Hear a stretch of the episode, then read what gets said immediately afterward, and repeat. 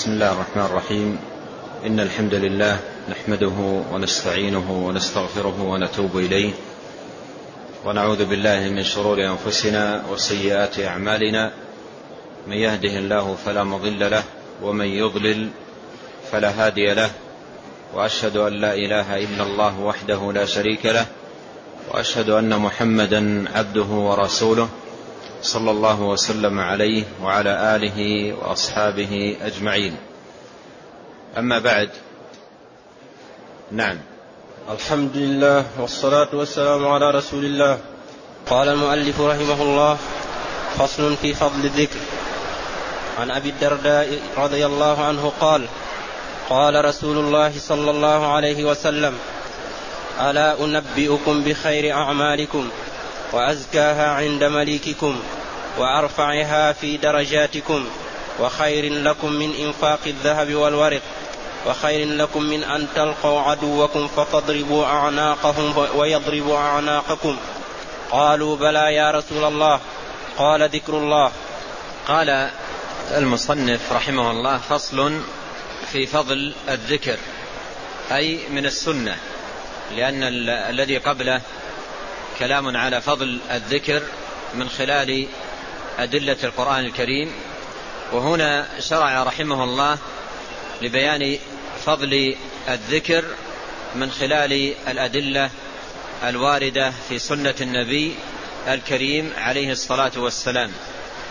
والسنة جاء فيها أحاديث كثيرة جدا دالة على فضل الذكر وعظيم مكانته عند الله عز وجل وقد انتقى شيخ الإسلام رحمه الله منها بعض الأحاديث وقليلا من النصوص الدالة على فضل الذكر وإلا السنة مليئة بالأحاديث الدالة على فضل الذكر وعظيم مكانته عند الله عز وجل وما يترتب عليه من الخيرات العميمة والأفضال العظيمة للذاكرين في الدنيا والآخرة.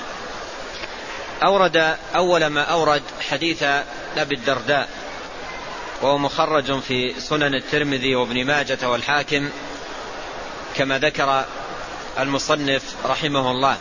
وهو حديث عظيم جدا في بيان فضل الذكر وبيان أنه أفضل الأعمال وخيرها كما هو مصرح به في هذا الحديث. وقد بدأ النبي عليه الصلاة والسلام بيانه لفضيلة الذكر بأسلوب مشوق للقلوب وجاذب للنفوس حيث بدأ عليه الصلاة والسلام حديثه بقوله ألا أنبئكم؟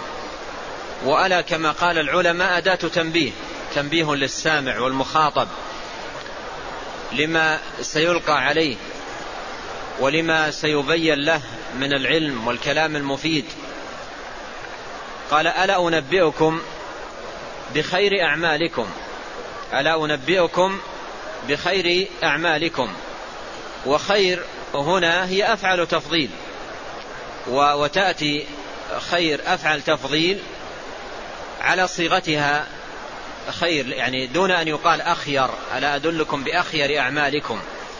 والمراد هنا بخير أعمالكم أي أخيرها أفضلها.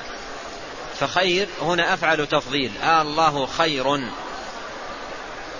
فتأتي آه، أفعل تفضيل كما يقول العلماء على غير بابها. يعني تستعمل في التفضيل. وباب التفضيل أن يؤتى به بصيغة أفعل أخير وأفضل وأحسن. وأجمل وأزكى وأطيب. لكن تأتي آه، صيغة التفضيل على غير بابها بأن يقال خير وأيضا يقال شر تستعمل في غير بابها. فهنا قال ألا أنبئكم بخير أعمالكم أي أخيرها؟ بخير أعمالكم أي أخيرها. أحسنها في الخيرية. وأفضلها. ألا أنبئكم بخير أعمالكم؟ فالحديث فيه دلالة على أن الذكر خير الأعمال خير الأعمال. بل مر معنا قريبا التنبيه على أن الذكر هو روح الأعمال وأن تفاضل الناس في الأعمال بحسب تفاضلهم في بحسب تفاضلهم فيها بذكر الله تبارك وتعالى. فكلما كان العمل أكثر كلما كان العمل أكثر ذكرا لله تبارك وتعالى فإن الفضيلة فيه تعظم ومكانته تعلو بحسب حال الذاكر فيه بحسب العابد فيه حال العابد فيه بذكر الله تبارك وتعالى. فكلما كان ذكره لله أعظم كان حظه من الثواب أكبر. قال ألا أنبئكم بخير أعمالكم أي أخيرها وأفضلها وأزكاها عند مليككم. أزكاها قيل في معناها أي أطهرها. أزكاها أي أطهرها. وقيل المراد بالزكاة النماء وهو الزيادة. يعني أعظمها بركة ونماء وخيرا. فالزكاة يأتي ويراد به النماء ويراد به التطهر. قد أفلح من زكاها أي طهرها. فيأتي بمعنى التطهر ويأتي بمعنى النماء زكاة الشيء أي نماؤه وزيادته وكثرة خيره. قال ألا أنبئكم بخير أعمالكم وأزكاها. أزكاها أي أطهرها؟ أو أزكاها أي أكثرها بركة وخيرا ونماء وفضيلة وأرفعها في درجاتكم. يعني أكثرها رفعة في الدرجات بحيث آه، آه، بحيث إن حال المواظب عليها والمكثر منها يزداد رفعة عند الله عز وجل فهي ترفع العبد. عند الله عز وجل أكثر من غيرها من الأعمال. أرفعها في درجاتكم يعني أكثرها رفعا لكم في الدرجات عند الله عز وجل أكثر من غيرها من الأعمال. الأعمال ترفع ترفع العبد عند الله عز وجل ولكن أكثرها رفعا له عند الله ذكر الله. أكثر الأعمال رفعا للعامل عند الله عز وجل ذكر الله ذكر الله عز وجل. ولهذا قال وأرفعها في درجاتكم. درجاتكم أي عند الله. قال تعالى ولكل, درجة ولكل درجات مما عملوا. فالعبد يعلو درجات عند الله بحسب أعماله. وأعظم الأعمال رفعا في درجات العبد عند الله ذكر الله. ذكر الله تبارك وتعالى. قال وخير لكم من إنفاق الذهب والورق وخير أي أفضل خير, لكم أي أفضل لكم من إنفاق الذهب والذهب معروف والورق هو الفضة. يعني خير لكم من إنفاق الذهب والفضة أي صدقة في سبيل الله تبارك وتعالى. ومن المعلوم أن بذل المال ولا سيما أنفسه وهو الذهب والفضة صدقة في سبيل الله تبارك وتعالى من خير الأعمال وأحبها إلى الله تبارك وتعالى. ولكن يبين عليه الصلاة والسلام في هذا الحديث أن ذكر الله أعظم. أن ذكر الله تبارك وتعالى أعظم من إنفاق الذهب والفضة.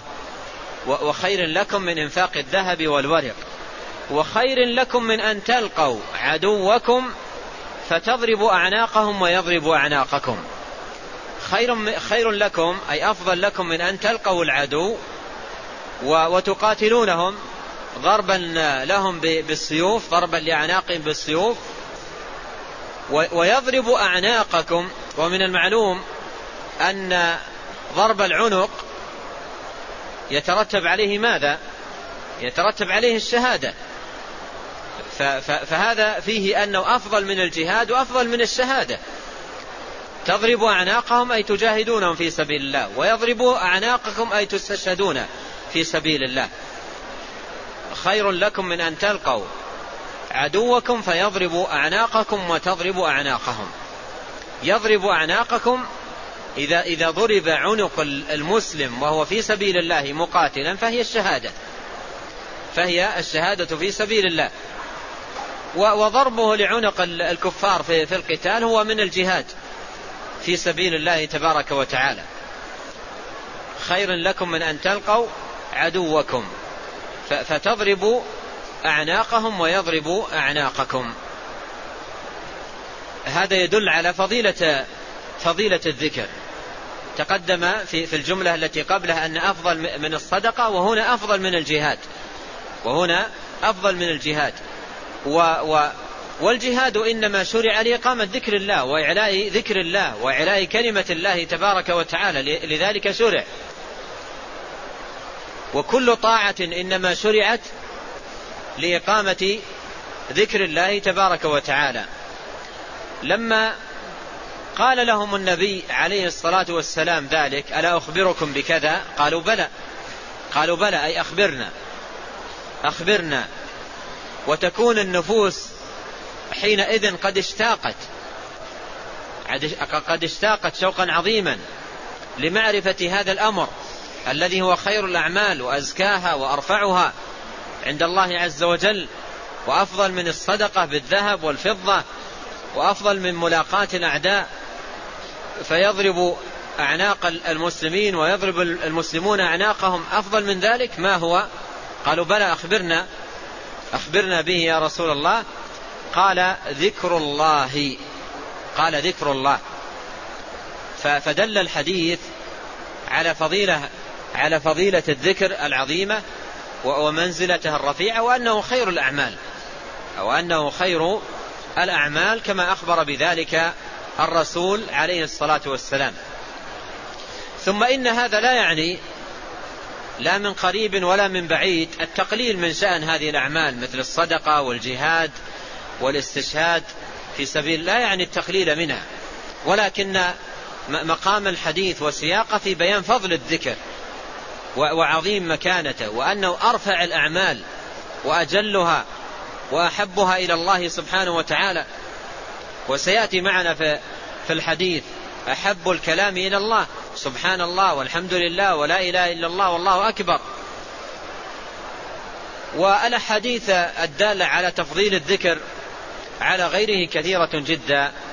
ولهذا يقول ابن رجب رحمه الله يقول وقد تكاثرت النصوص بتفضيل الذكر على الصدقة بالمال وغيره من الأعمال وغيره من الأعمال. والحديث واضح في الدلالة على هذا. نعم. قال رحمه الله وقال أبو هريرة رضي الله عنه قال النبي صلى الله عليه وسلم سبق المفردون قالوا وما المفردون يا رسول الله؟ قال الذاكرون الله كثيرا والذاكرات. خرجه مسلم. ثم أورد المصنف رحمه الله هذا الحديث و و وقد قاله النبي عليه الصلاة والسلام وكان مع أصحابه في سفر فمروا على جبل فقال هذا جمدان. يعني ذكر لهم اسمه عليه الصلاة والسلام. ثم قال عليه الصلاة والسلام سبق المفردون. سبق المفردون. أي إن المفردين هم أهل السبق. وكأن الحديث يصور العاملين في ميدان سباق في ميدان سباق يتسابقون ويتنافسون في هذا الميدان. ويبين أن أسبقهم أسبقهم في هذا الميدان المفردون. تأمل يقول سبق المفردون. المفردون هم أهل السبق في, في ميدان التنافس في طاعة الله تبارك وتعالى. المفردون هم أهل السبق. وكأن العاملين في في ميدان مسابقة يتسابقون لنيل الرتب العالية والمنازل الرفيعة عند الله. ويخبر عليه الصلاة والسلام أن المفردين أهل السبق في هذا الميدان. أن المفردين أهل السبق في هذا الميدان. وهذا يقتضي تحرك سؤال في قلب السامع. عندما يسمع أن المفردين هم أهل, أهل السبق أن يعرف من هم المفردون. من هم المفردون. وهذا يدلنا على حرص الصحابة رضي الله عنهم وأرضاهم على الخير. والتنافس فيه ومعرفة فضائل الأعمال وأحبها إلى الله. تبارك وتعالى. فلما قال عليه الصلاة والسلام سبق المفردون قال الصحابة رضي الله عنهم وما المفردون يا رسول الله؟ وما المفردون يا رسول الله؟ يعني ما ماذا تقصد بهم؟ من تعني بالمفردين؟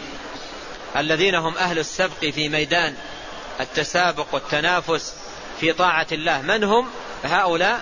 قال عليه الصلاة والسلام الذاكرون الله كثيرا والذاكرات. الذاكرون الله كثيرا والذاكرات.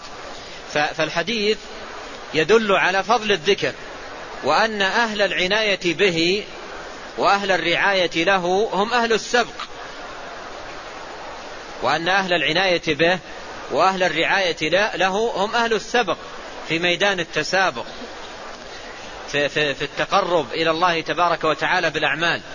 فالناس يتسابقون بأنواع من الأعمال المشروعة والطاعات المشروعة وأسبقهم في, في هذا الميدان هم أهل الذكر لله تبارك وتعالى بالكثرة. كما قال الذاك كما قال الذاكرون الله كثيرا والذاكرات أي كثيرا. فهذا فيه فضيلة ذكر الله تبارك وتعالى بالكثرة.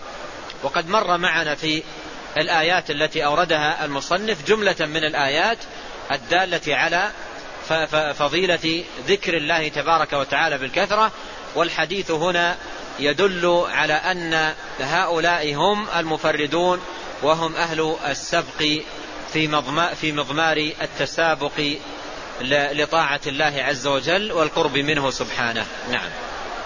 قال رحمه الله وذكر عبد الله بن بسر أن رجلا قال يا رسول الله إن شرائع الإسلام قد كثرت علي فأخبرني بشيء أتشبث به. قال لا يزال لسانك رطبا من ذكر الله تعالى. رواه الترمذي وقال حديث حسن. ثم أورد المصنف رحمه الله هذا هذا الحديث حديث عبد الله بن بسر رضي الله عنه أن رجلا أن رجلا قال يا رسول الله إن شرائع الإيمان قد كثرت علي. إن شرائع الإيمان قد كثرت علي. يعني كثرت الأعمال علي. الأعمال المأمور بها. المأمور بها المؤمن في كتاب الله وسنة نبيه عليه الصلاة والسلام يقول كثرت علي. الأعمال كثيرة جدا.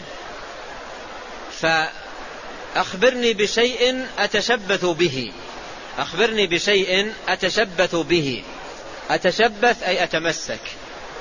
شيء أتشبث به أي أتمسك به. وهذا الشيء الذي طلب هذا الرجل أن يخبره النبي عليه الصلاة والسلام ليتشبث به ليتمسك به. لم يطلبه من أجل أن يتفلت به من أعمال الشريعة. وانتبهوا لهذا. لم يطلبه من أجل أن يتفلت به من أعمال الشريعة ويتنصل من أعمال الإسلام. ليس هذا مراده ولا يمكن أن يكون هذا مطلوبا. لا لا يمكن أن يكون جاء للنبي عليه الصلاة والسلام يطلب منه أن يدل على عمل معين ويتنصل من أعمال الشريعة وأعمال الدين. ليس هذا الذي أراد. وإنما أراد شيئا يتمسك به فيكون سببا لخفة هذه الأعمال عليه ويسرها وألا تكون ثقيلة عليه وأن يخف عليه القيام بها ويسهل. فقال دلني على شيء أتشبث به أعمال الشريعة كثيرة فأريد شيئا أتشبث به. فأرشده النبي عليه الصلاة والسلام إلى ذكر الله. قال لا يزال لسانك رطبا من ذكر الله تبارك وتعالى. فأخذ العلماء من هذا الحديث فضيلة عظيمة جدا للذكر. أخذ العلماء من هذا الحديث فضيلة عظيمة جدا للذكر ألا وهي أن أن ذكر الله أن ذكر الله تبارك وتعالى يخفف الأعمال. ييسر أمر القيام بشرائع الإسلام وأمور الدين وتلين يلينها ويسهلها وييسرها ولا تكون ثقيلة على العبد. لا تكون ثقيلة على العبد. تثقل تثقل على العبد إذا يبس لسانه عن ذكر الله. إذا يبس لسانه عن ذكر الله وغفل قلبه عن ذكر الله تكون الأعمال ثقيلة عليه. تكون الأعمال ثقيلة. إذا نودي للصلاة تكون هذه المنادات للصلاة من أثقل ما يكون على قلبه. وإذا نودي إلى الطاعات الأخرى تكون ثقيلة عليه. ثقيلة عليه جدا. لكن إذا, إذا اعتنى بذكر الله وكان ذاكرا لله وتحرك لسانه بذكر الله وتحرك قلبه بذكر الله تبارك وتعالى لانت عليه الطاعات. لانت الطاعات عليه وخفت وأصبحت يسيرة ولم يصبح لها ثقل. الثقل الذي كان يجده في قلبه عندما ينادى للطاعة يذهب ويتلاشى. إذا, إذا حرك لسانه بالذكر وحرك قلبه بالذكر وزالت الغفلة عنه تلين الطاعة. وهذه فائدة عظيمة جدا أرشد إليها النبي عليه الصلاة والسلام. قال إن شرائع الإسلام كثرت علي شرائع الإسلام صلاة وصيام وحج وصدقة إلى غير ذلك من الأعمال التي أمر الله تبارك وتعالى بها. فدلني على شيء أتشبث به. هل مراد السائل وأنا أريد أن أؤكد على هذه المعلومة هل مراد السائل عندما قال أريد شيئا أتشبث به يعني أتمسك به وأترك شرائع الإسلام؟ هل هذا مراده لا يمكن أن يكون هذا المراد. لا لا يمكن أن يكون مراده كثرت عليه شرائع الإسلام صلوات مفروضة صيام حج فأنا أريد أن, أن, أن تدلني على شيء أتشبث به وأترك هذه الأعمال. هل هذا مراده؟ لا يمكن أبدا. إذا ما ماذا أراد؟ أراد أن يدله النبي على, على شيء وعلى أمر بحيث إذا تمسك به وواظب عليه وحافظ عليه تيسرت له هذه الأعمال. فولم يأتي إلى النبي عليه الصلاة والسلام يطلب منه أن أن أن التنصل من أعمال الإسلام وفرائض الدين وواجباته. لم يكن هذا هو المراد وإنما أراد شيئا يتشبث به ويتمسك به فتلين عليه الشرائع.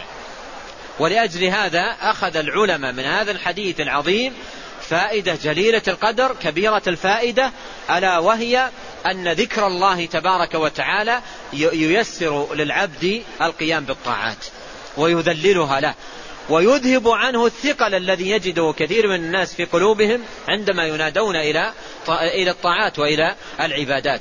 فمن فوائد الذكر العظيمة وآثاره المباركة وثماره اليانعة أنه يلين الطاعة, الطاعة وييسرها. ولهذا أرشد النبي عليه الصلاة والسلام هذا الرجل الذي جاء إلى النبي عليه الصلاة والسلام يذكر كثرة الشرائع كثرة الأعمال وتعددها وتنوع وتنوعها فيريد شيئا يتشبث به فقال له النبي عليه الصلاة والسلام لا يزال لسانك رطبا من ذكر الله. لا يزال لسانك رطبا. لاحظ اختيار النبي عليه الصلاة والسلام هنا لقوله رطبا.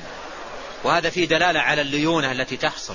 في دلالة على الليونة التي تحصل والتيسير الذي يحصل من من عناية العبد ورعايته للذكر ومواظبته عليه وإكثاره منه.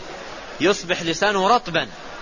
وهذه الرطوبة تدل على ليونة في, في, في, في, في, في, في, في إقباله على, على الطاعات والعبادات وأنواع الشرائع التي أمر بها العبد. قال لا يزال لسانك رطبا من ذكر الله. وهذه الرطوبة تدل على التيسر والسهولة واللين. وزوال الجفاف الذي كان عنده. زوال الجفاف. وزوال الغلظة وزوال, وزوال أيضا قسوة القلب. القلب إذا قسى ما, ما يميل للطاعات. القلب إذا قسى ما يميل للطاعات. لا يميل القلب للطاعات إلا إذا لأن. والذي يلينه ذكر الله. جاء في بعض الآثار أن رجلا جاء إلى الحسن البصري رحمه الله وقال أشكو إليك قسوة قلبي قلبي قاسي فماذا أصنع؟ قال أذبه بذكر الله. قال أذبه بذكر الله يعني أذب قسوة القلب بذكر الله تبارك وتعالى. فذكر الله تبارك وتعالى يلين القلب ويرطب اللسان. فإذا حصل لين القلب ورطوبة اللسان ذهب عن الإنسان الثقل. ذهب عن الإنسان الثقل وأصبح مكانه ليونة. أصبح مكان الثقل ليونة فتلين الطاعة عنده. وتتيسر له العبادة وينشرح صدره إليها. ويأنس بالقيام بها وتكون العبادة قرة عين له. فرق بين من يقول أرحنا بالصلاة ومن يقول أرحنا من الصلاة. بعض الناس يصلي ولكنه يمل من الصلاة ويتضايق ويجد ويجدها ثقيلة على قلبه. وآخر يصلي وهو, وهو يجد الصلاة راحة له وقرة عين. وكل ذلك ثمرة للذكر يا أخوان. كل ذلك ثمرة لذكر الله تبارك وتعالى. فذكر الله عز وجل هو الذي يلين العسير ويسهل الصعاب و ويقوي العزائم وتنهض به الهمم ويقبل العبد به على طاعة الله تبارك وتعالى. هذه كلها ثمار. ثمار لذكر الله تبارك وتعالى وآثار. قال إن شرائع الإيمان. إن شرائع الإيمان قد كثرت علي. الحديث في دلالة أخرى على أن الأعمال التي هي شرائع الدين داخلة في, في الإيمان. ولهذا قال شرائع الإيمان فالأعمال من الإيمان. ليست أجنبية عنه أو خارجة عن مسماه بل هي منه. ولهذا قال هذا الرجل في سؤال شرائع الإيمان. فالإيمان له شرائع ليس الإيمان عقيدة في القلب فقط. ليس الإيمان عقيدة في القلب يعتقدها الإنسان في قلبه و و وانتهى الإيمان عند هذا الحد لا. الإيمان عقيدة وقول وعمل. ولهذا قال هذا السائل شرائع الإيمان. شرائع الإيمان. فالإيمان له شرائع داخلة فيه داخلة في مسماه ويتناولها اسمه. ولهذا قال عليه الصلاة والسلام في حديث وفد عبد القيس المخرج في الصحيحين قال آمركم بالإيمان بالله. آمركم بالإيمان بالله. أتدرون ما الإيمان بالله؟ أتدرون ما الإيمان بالله؟ قالوا الله ورسوله أعلم. قال الإيمان بالله شهادة أن لا إله إلا الله وأن محمد رسول الله وإقام الصلاة وإيتاء الزكاة وصوم رمضان وأن تعطوا الخمس من المغنم. فعد عليه الصلاة والسلام هذه الشرائع الصلاة الزكاة الصيام عد هذه الشرائع من من خصال إيش؟ من خصال الإيمان. عد هذه الشرائع من خصال الإيمان. ولهذا السائل هنا يدرك أن الإيمان يتناول الشرائع. ولهذا قال في سؤال إن شرائع الإيمان إن شرائع الإيمان. ما هي شرائعه؟ الصلاة من شرائع الإيمان الزكاة من شرائع الإيمان الصيام من شرائع الإيمان. كل طاعة أمر الله تبارك وتعالى بها هي من شرائع الإيمان. وأيضا ترك ترك ما نهى الله تبارك وتعالى عنه من من المحرمات والآثام هو أيضا من شرائع الإيمان. من شرائع الإيمان أن يبتعد العبد عن الحرام. وعما نهى الله تبارك وتعالى عنه. ولهذا جاء في الحديث عن النبي عليه الصلاة والسلام أنه قال لا يزني الزاني حين يزني وهو مؤمن ولا يسرق حين يسرق وهو مؤمن ولا يشرب الخمر حين يشربه وهو مؤمن. فدل الحديث على أن ترك هذه ترك هذه الأعمال السيئة والجرائم الخسيسة من الإيمان تركها إيمان وفعلها نقص في الإيمان. وفعلها نقص في الإيمان. الشاهد أن الإيمان ليس مجرد عقيدة في القلب. ليس مجرد عقيدة في القلب. الإيمان عقيدة وشريعة. ليس فقط عقيدة الإيمان عقيدة وشريعة. كما قال عليه الصلاة والسلام قل آمنت بالله ثم استقم. الإيمان عقيدة وشريعة. عقيدة قل آمنت بالله. شريعة ثم استقم أي على طاعة الله وعلى الأعمال المقربة إلى الله تبارك وتعالى. قال إن شرائع الإيمان قد كثرت علي فأخبرني بشيء أتشبث به. عرفنا معنى أتشبث أي أتمسك. ومرة ثالثة الرجل لما أراد من النبي عليه الصلاة والسلام شيئا يتشبث به وذكره في سياق إخباره بكثرة شرائع الإسلام عليه. ماذا جاء يريد من النبي عليه الصلاة والسلام؟ هل جاء يريد منه أن يرشده إلى عمل معين يتمسك به ويترك أعمال الشريعة؟ أو أراد شيئا يتمسك به فتلين عليه أعمال الشريعة؟ لا يمكن أن نختار إلا الثاني.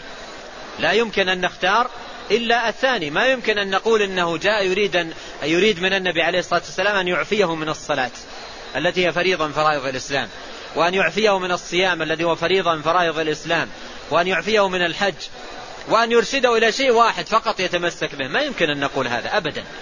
فالرجل جاء يريد شيئا يتشبث به فتتيسر عليه هذه الأعمال الكثيرة وتهون على قلبه. فأرشده صلوات الله وسلامه عليه إلى العناية بالذكر. قال لا يزال لسانك رطبا من ذكر الله. فما دمت محافظا على ذكر الله تبارك وتعالى فكل الأمور ستتيسر. وليست الأمور التي تتيسر لك أمور الدنيا فقط أمور الدين فقط بل الدين والدنيا. فذكر الله ذكر الله تبارك وتعالى سبب للخيرات والبركات الدينية والدنيوية. نعم. قال رحمه الله وعن أبي موسى الاشعري رضي الله عنه عن النبي صلى الله عليه وسلم قال مثل الذي يذكر ربه والذي لا يذكر ربه مثل الحي والميت. أخرجه البخاري. ثم أورد المصنف رحمه الله هذا الحديث حديث أبي موسى الأشعري وهو في صحيح البخاري. والحديث يروى بلفظين كلاهما في الصحيح. اللفظ الأول هو هذا الذي أورده المصنف رحمه الله. مثل الذي يذكر ربه والذي لا يذكر ربه مثل الحي والميت. واللفظ الثاني للحديث مثل البيت الذي يذكر فيه الله والبيت الذي لا يذكر فيه الله كمثل الحي والميت. فالحديث له لفظان له روايتان. الأولى تتعلق بالشخص نفسه والرواية الثانية تتعلق بالبيت الذي يقطنه ويسكنه. قال مثل الذي يذكر ربه والذي لا يذكر ربه مثل الحي والميت. الحديث يفيد أن ذكر الله تبارك وتعالى حياة القلوب وأن الغفلة عن ذكر الله موت القلوب.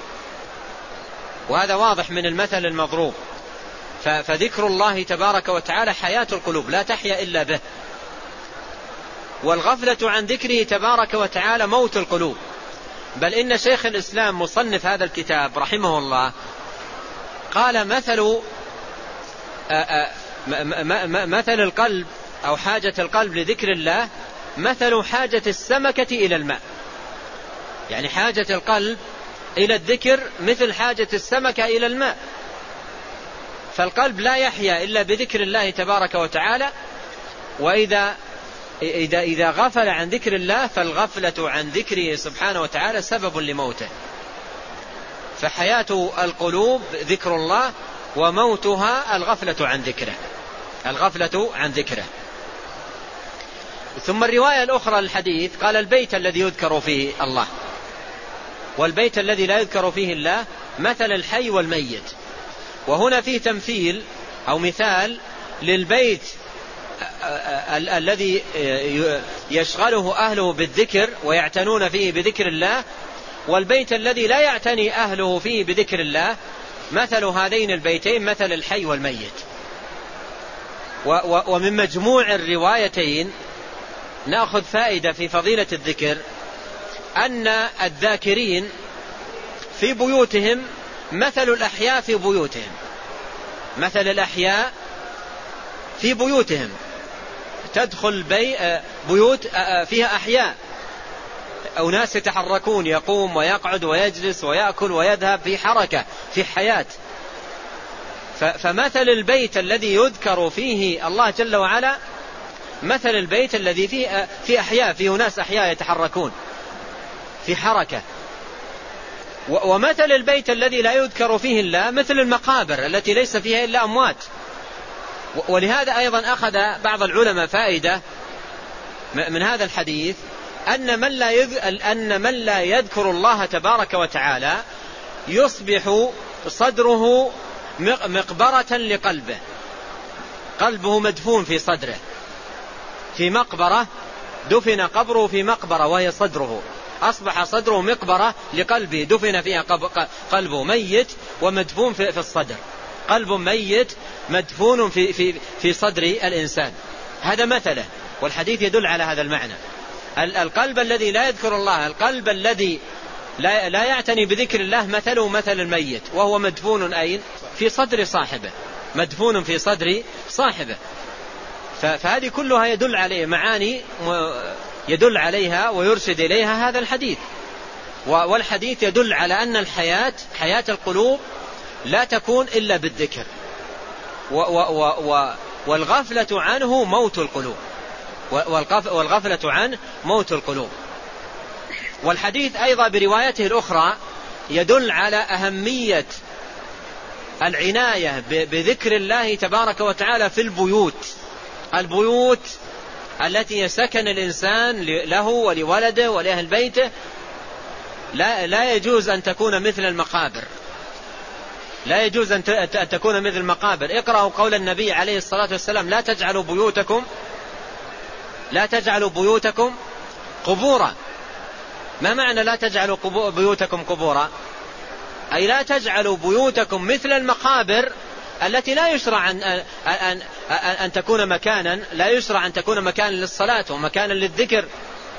المقابر ليست مكانا للصلاة وليست مكانا يقصد للذكر.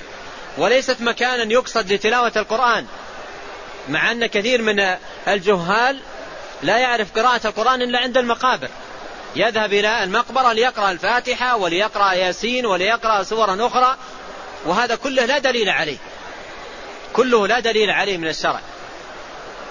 قال عليه الصلاة والسلام لا تجعلوا بيوتكم مقابر لا تجعلوا بيوتكم قبورا. يعني لا تجعلوها مثل مثل القبور. النبي عليه الصلاة والسلام لما قال لما قال للصحابة لا تجعلوا بيوتكم قبورا. ماذا أراد منهم بهذا النهي؟ ماذا أراد منهم؟ لما قال لا تجعلوا بيوتكم قبورا. ماذا أراد منهم؟ أراد أن يقرأوا القرآن في بيوتهم. أراد أن يذكروا الله تبارك وتعالى في بيوتهم. أراد أن تتحرك البيوت بذكر الله تبارك وتعالى.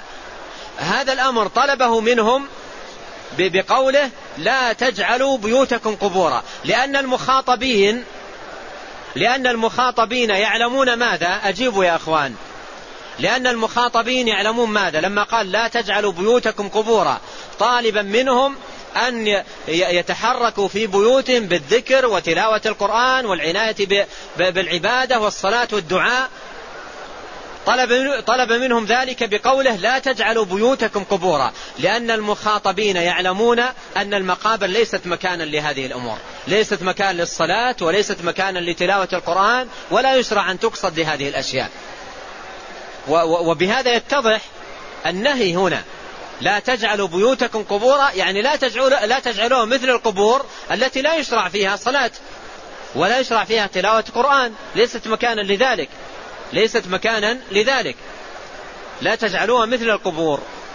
الشاهد من من هذا أن البيت الذي لا يذكر فيه فيه الله جل وعلا مثل الإيش؟ المقبرة. مثل المقبرة. وأصحابه أموات في في داخل في داخل داخل بيتهم. بيتهم أصبح أشبه بالمقابر التي ليس فيها قرآن وليس فيها صلاة وليس فيها أذكار. ليست مكانا لذلك.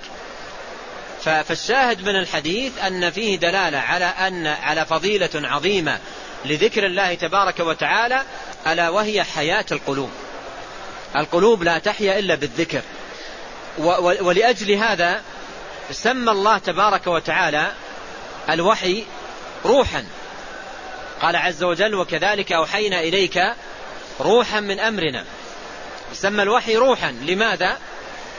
لأن, لأن به تحيا القلوب وبدونه تموت. وفي القرآن قال الله تعالى يا أيها الذين آمنوا استجيبوا لله وللرسول إذا دعاكم لما يحييكم. فالشاهد أن من فضائل الذكر العظيمة أن به حياة القلوب. نعم. قال رحمه الله وعن أبي هريرة رضي الله عنه عن رسول الله صلى الله عليه وسلم قال من قعد مقعدا لم يذكر الله تعالى فيه كانت عليه من الله تعالى تره ومن اضطجع مضجعا لا يذكر الله تعالى فيه كانت عليه من الله تره أي نقص وتبعة وحسرة. ثم ختم هذا الفصل بهذا الحديث الذي فيه آه، النهي عن الغفلة عن ذكر الله تبارك وتعالى والتحذير من ذلك وأن المجلس الذي يجلسه الإنسان والمضطجع الذي يضطجعه الإنسان ويكون خاليا من ذكر الله سيكون ترة عليه أي حسرة وندامة يوم القيامة يوم يلقى الله تبارك وتعالى. يندم ويتحسر ولا ينفعه حينئذ الندم.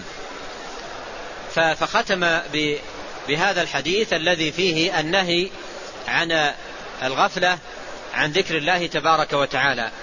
قال صلى الله عليه وسلم من قعد مقعدا لم يذكر الله تعالى فيه كانت عليه من الله ترة. ومعنى ترة أي حسرة وندامة. يكون هذا المجلس ندامة عليه يوم القيامة لأنه مجلس خلا من ذكر الله.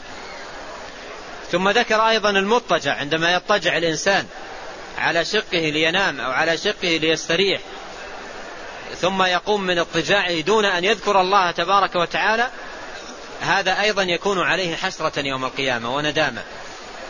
يكون حسرة عليه وندامة يوم القيامة. وهذا فيه تأكيد على المعنى الذي مر معنا في الآية. الذين يذكرون الله قياما وقعودا وعلى جنوبهم. الذين يذكرون الله قياما وقعودا وعلى جنوبهم. وأن المسلم ينبغي أن يكون ذاكرا لله في كل أحواله. وهو قائم يذكر الله. وهو قاعد يذكر الله. وهو مضطجع يذكر الله. فإذا اضطجع مضطجعا وقام منه ولم يذكر الله تبارك وتعالى كان عليه من الله ترة في مضجعه ذلك. وكذلك إذا قعد مقعدا وقام منه ولم يذكر الله تبارك وتعالى كان عليه من الله ترة. فالحديث فيه تأكيد على أهمية العناية بالذكر في كل الأحيان وفي كل الأوقات في حال القيام وحال القعود وحال الاضطجاع. المسلم يذكر الله تبارك وتعالى في كل أحيانه. والحديث فيه خطورة المجالس التي تخلو من ذكر الله على أصحابها وأربابها.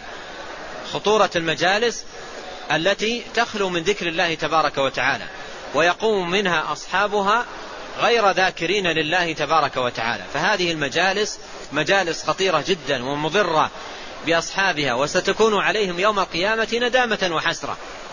وفي الحديث إشارة أيضا إلى أن المجالس إن لم تشغل بذكر الله تبارك وتعالى فيكون بركة على أهل المجلس وخيرا وزكاء ورفعة. إن لم تشغل بذكر الله تبارك وتعالى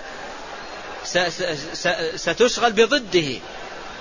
وهو الغفلة وما تقتضيه الغفلة من الأمور المحرمة والأعمال السيئة.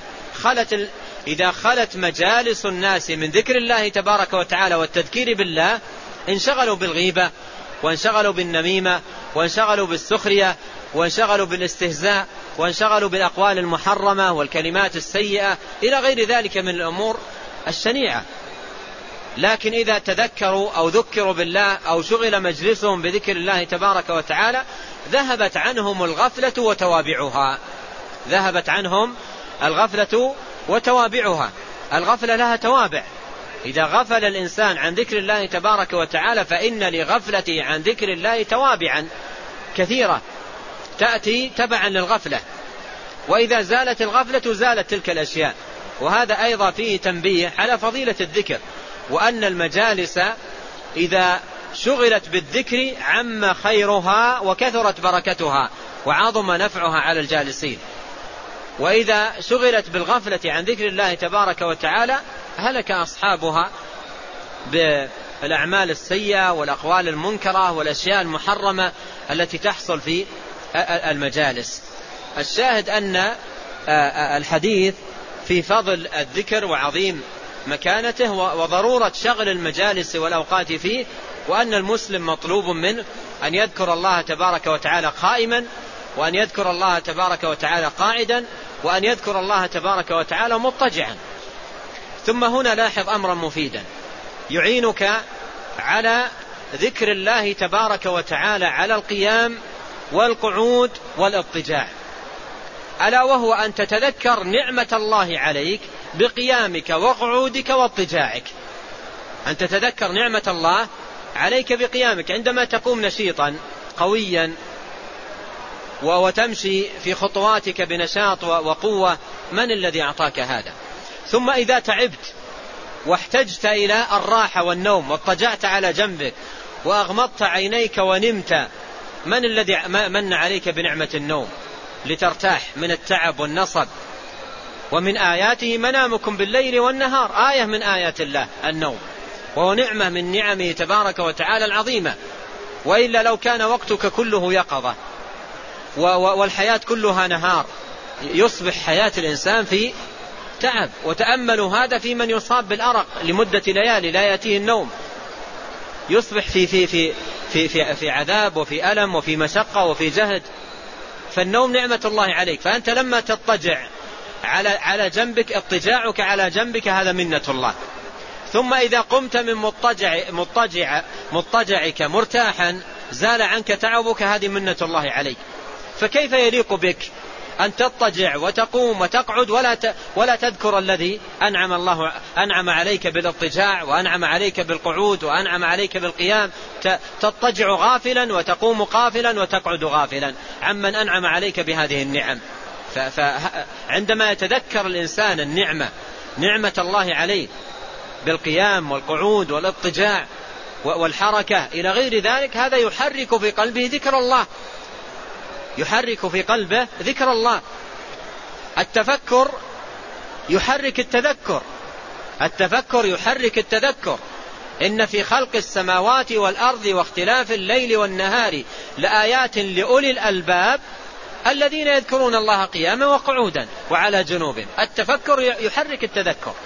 عندما يتفكر الإنسان في النعم والمنن والعطايا التي من الله تبارك وتعالى عليه بها ولهذا شرع لنا إذا أوى أحدنا إلى فراشه أن يقول باسمك اللهم وضعت جنبي وبك أرفعه. إن أمسكت نفسي فارحمها وإن أرسلتها فاحفظها. بك وضعت جنبي وبك أرفعه يعني بعونك ومنك ومدك وتوفيقك وضعت جنبي وبك أرفعه. فاضطجاعك وقعودك وقيامك كله بالله. لولا عون الله لك لما حصل لك شيء من ذلك. فكيف يليق بعبد أنعم الله تبارك وتعالى عليه بهذه النعم العظيمة والمنن الجسيمة ثم يضطجع ويقعد ويقوم ويمشي ويتحرك وهو في كل ذلك غافل عن ذكر الله. نسأل الله لنا ولكم العافية والسلامة وأن يعيذنا من سبيل الغافلين وأن يجعلنا له ذاكرين له شاكرين إليه أوابين منيبين وأن يغفر ذنوبنا كلها دقها وجلها أولها وآخرها وأن يصلح لنا ديننا الذي هو عصمة أمرنا وأن يصلح لنا دنيانا التي فيها معاشنا وأن يصلح لنا آخرتنا التي فيها معادنا وأن يجعل الحياة زيادة لنا في كل خير والموت راحة لنا من كل شر وأن يغفر لنا ولوالدينا وللمسلمين والمسلمات والمؤمنين والمؤمنات الأحياء منهم والأموات. ونسأله تبارك وتعالى التوفيق لكل خير والإعانة على طاعته وما يقرب إليه. إنه تبارك وتعالى سميع قريب مجيب.